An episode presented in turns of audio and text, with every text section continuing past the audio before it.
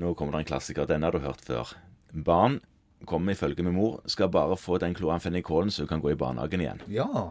Fordi at eh, denne ungen ble rød på øyet i dag tidlig. Fikk ikke lov å komme til barnehagen fordi at dette her er så smittsomt, og ville ikke ha det som ild i tørt gress gjennom hele barnehagen. Ild i vårt gress i barnehagen, ja.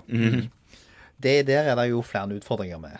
Eh, Hovedutfordringen er jo at de fleste konjunktivitter, særlig hos barn, da, men også hos voksne for så vidt, Ja. de er, som barnehagen helt riktig kommenterer, fryktelig smittsomme Ja. og høyst virale.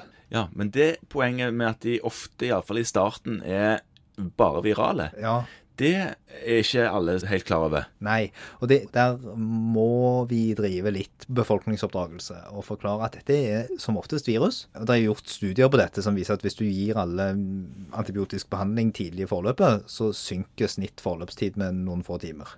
Jeg lurer på om det var seks timer eller noe sånt at den ble redusert, eh, i snitt i en litt større gruppe. Eh, Noe som nok er et uttrykk for at veldig mange av de er virale, og at virusinfeksjoner som kjent responderer fryktelig dårlig på antibiotika. Sånn at med mindre det har stått noen dager, helst to-tre dager, gjerne med en progresjon i symptomer der de har blitt verre Mm. De, hva skal de gjøre i den tiden de venter? Nei. Da skal de prøve å vaske bort dette pusset i størst mulig grad, Ja. og opprettholde solid håndhygiene, fordi det er ganske smittsomt. Ja. Så lunka vann på en bomullsdott og tørke vekk? Ja, Ja. eller en ren klut eller et eller annet sånt som du da gjerne ikke bruker på det andre øyet rett etterpå, eller på noen andres fjes. Og så, hvis de da har hatt dette i tre dager og har skikkelig rødt injisert øye, der, der skleret er ordentlig injisert, og de har rikelige mengder puss, så øker da pretestsannsynlighet for at dette er en bakteriell infeksjon. Kan- Pretest sannsynlighet, ja. ja. Og da kan man vurdere om man skal gi antibiotika for dette.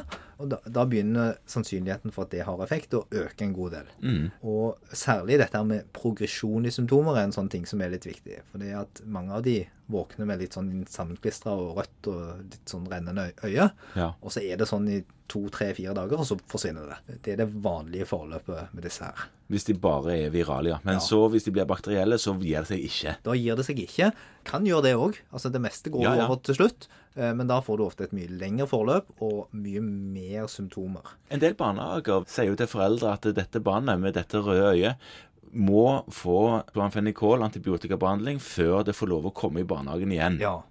Det er en del kommuner som sliter litt med den regelen, Ja, vet det jeg. er, er noen en i så fall kan ta litt opp. fordi at i og med det vi nå starta med å si at de fleste av de er virale, så blir de jo i liten grad mindre smittsomme av å gi de antibiotika i tillegg. Sånn at det er en misoppfatning. Jeg tenker at det er viktig å opprettholde en viss håndhygiene og en viss hygiene på dette. Og det er klart at barnehagebarn er jo kanskje ikke veldig flinke til å overholde smitteregimer. Nei. Sånn at de er hjemme et par dager hvis en har et problem med at dette sprer seg i barnehagen.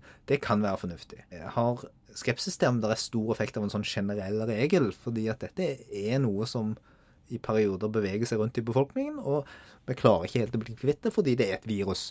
Og så er det jo heller ikke barnehageansatte som setter gullstandard for hvordan man skal behandle i Er det ikke, så jeg tenker at hvis man har en sånn utfordring der man blir pressa på å skrive ut antibiotika til virale infeksjoner av andre enn leger, så bør man kanskje diskutere det med smittevernoverlegen i kommunen, om det er en grei måte å gjøre det på. Ja.